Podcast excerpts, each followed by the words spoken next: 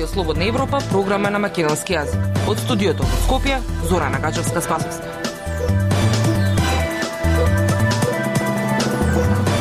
Почитувани, ја следите емисијата на Радио Слободна Европа. Кризниот штаб без заклучоци за новите антиковид мерки. На потек е владата. Криптомаркетот, дигитална ренесанса или економски ризик – Оставката на Заев и неверувањето на Мицкоски. Вашите коментари на социјалните медиуми. Слушајте не. Независни вести и анализи за иднината на Македонија на Радио Слободна Европа и слободнаевропа.мк. Владата на седница вторник треба да донесе одлука дали ќе ги прифати мерките за вакцинација на вработените во јавниот сектор и здравствените работници. Предходно се одржи седница на кризниот ковид штаб, но не беа донесени заклучоци. Министерот за здравство се среќава и со синдикатите кои се противат на предложените мерки. Деталите од Марија Митаска. Главниот кризен штаб не донесе заклучоци за новите мерки за спречување на ширењето на COVID-19 и сега на потеке владата. Мерките ги предложи Комисијата за заразни болести, кои со консенсус беа усвоени на состанокот минатата недела. Министерот за здравство Венко Филипче на состанокот, како што се наведува во сообштението, посочил дека мерките кои ги предлагаат здравствените експерти се целосно издржани и ќе дадат резултати за одржувањето на релативно стабилната епидемиолошка состојба во земјава, како и за покачување на вакцинацијата во државата. Говорејќи за состојбата во државата, Филипче образложи дека болниците се полнат со невакцинирани пациенти, односно процентот на невакцинирани а хоспитализирани се движи од 75 до 80 одсто. Вако витно и доста поригорозни мерки има на секаде во регионот, Бугарија, Хрватска, Словенија, Грција, како и Австрија, Холандија и други. Се навидува во соопштението на Министерството за здравство. Мерките предвидуваат вработените луѓето во државниот сектор за влез на работното место да мора да прикажат или сертификат за примена вакцина против COVID-19 или PCR негативен тест направен на свој трошок не постар од 72 часа или пак доказ дека ја прележале болеста во последните 45 дена. Исклучок од предложените мерки ќе бидат само вработените кои поради ретки болести ќе добијат потврда од лекар специјалист дека вакцина не смеа да примаат. Председателот на Конфедерацијата на слободни синдикати Алповски во интервју за Радио Слободна Европа изјави дека не може вработените во јавниот сектор или кој било работник се уцени да се тераат да се вакцинираат за да може да влезат на работното место. Според него работниците во јавниот сектор се најсиромашните работници и 70 до 80 илјади од нив земаат минимална плата и не е хумано да се оптоваруваат со плаќање на тестови. Доколку владата ги усвои мерките, тој најави дека ќе ги употребат сите средства кои ги имаат на располагање. Па можна е да отпочнат и протести, можна е да, да отпочнат и, и штрајкови. Синдикатот е една организација која се заснова на, на солидарноста. Тука верувајте дека и колегите кои што се вакцинирани се спротиставуваат на на овие мерки, затоа што мислам дека е нехумано некого да тераме со сила да го прави нешто што со закон не е одредено. Од Сојузот на синдикати на Македонија соопштија дека вакцинацијата мора да биде резултат на лична определба на работниците и не смее да се спроведува со присила. Дайте ни 15 минути и ние ќе ви го дадеме светот. Слободна Европа.мк Македонските граѓани не се имуни на економската треска со интернет трговијата со криптовалути. Приведувањето на двајца вработени во железници кои од службен компјутер си копале криптовалути како и потрага по дивите копачи на коини во ГТЦ го привлече окото на јавноста кон криптомаркетот. Брза заработка на странска берза со неколку клика дневно, но во сива зона. Вака отприлика изгледа интернет трговијата со криптосредства во земјава. Таа официјално не е забраната, но не е регулирана со ниту еден закон. Во јавноста оваа тема станува актуелна по двата инцидента со полициска потрага на диви копачи на криптовалути.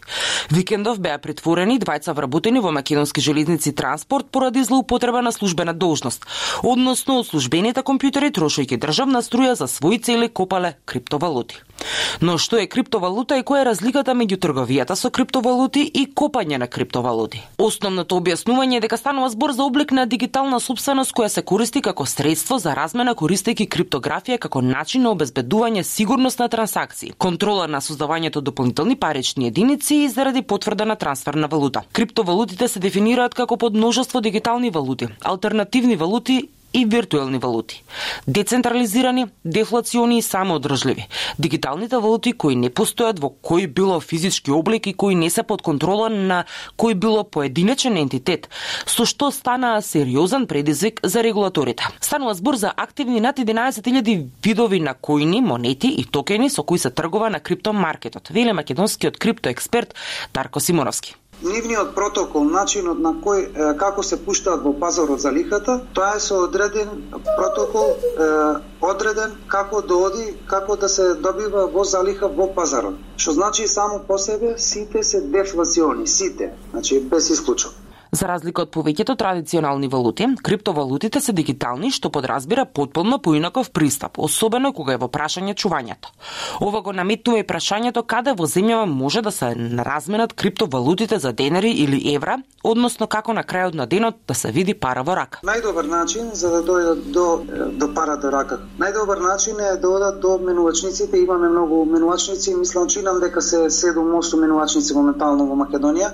Би било добро се додека не се се регулира да луѓето да можат исто да ги користат тие начини и опции за да може да дојде до пари. И тоа му оди многу лесно, значи кога веќе поседуваш криптовалути, одиш во таа менувачница, им праќаш криптовалути на нивната адреса и они ти даваат кеш за возврат. Нели исто како менувачница, буквално како евро за франак за денар и така натаму. Во однос на регулацијата на претварањето на дигиталните валути во пари на рака од Народната банка велат дека домашните овластени банки треба да ги сметаат трансакциите со криптосредствата во платениот промет со странство како тековни трансакции помеѓу резиденти и нерезиденти. Тоа значи дека кога резидентите купуваат криптосредства, домашната банка треба да определи кои документи ќе ги смета за доволни заради постапување согласно со регулативата. Според тоа, криптосредствата не може да се користат како платежно средство во Македонија. Народната банка апелира до сите кои што вложуваат во крипто средства да бидат исклучително внимателни и добро да се информираат за потенцијалните ефекти од нивните вложувања. Треба да бидат свесни дека вредноста на крипто средствата може да биде и нула. Слободна Европа. Следете на на Facebook, Twitter и YouTube. Оставката на премиерот и лидерот на СДСМ Зоран Заев и тоа што првиот човек на ВМРО ДПМН е Христијан Мицковски не верува дека тоа ќе се случи, се најкоментираните вести од страна на фановите на Радио Слободна Европа на социјалните мрежи. Од надворешната политика пак најмногу коментирале за победата на Румен Радев на председателските избори во Бугарија. Прегледот на коментарите го подготви Горица Попова. Председателот на ВМРО ДПМН Христијан Мицкоски во Охрид изјави дека не очекува премиерот Зоран Заев да поднесе оставка, иако Заев најави оставка во СДСМ за утре, вторник. И не треба, постирала Мирјана Бубеска, а Згзен Горги со иронична шега. Јас мислам дека ова треба во кладилница да се внесе. Кој е коефициентот? И коментарот го завршува со црвен прашалник. Искра Давкова му се обраќа на Мицкоски, а ти па исполни кога рече дека ќе дадеш оставка. И коментарот на Лидија Пренџовска што го почнува со смеење на истата линија. Ти што си исполнил слуго Будимпештанска, освен идиотските сценарија на Шефти и вашите газди од Белград за рушење на прогресот на државата. Во постовите доминираат жени, па Софи Трајковска напишала и Заев и ти исти сте, оставка и ти Мицко од ВМРО.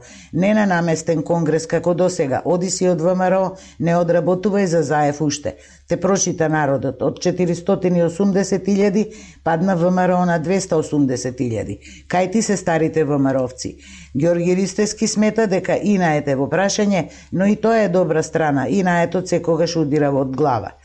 Минатата недела премиерот Заев се сретна со председателот на Алтернатива Африм Гаши во обид да се зголеми парламентарното мнозинство, но откако не успеале да се договорат, најавија повторна средба за неделава.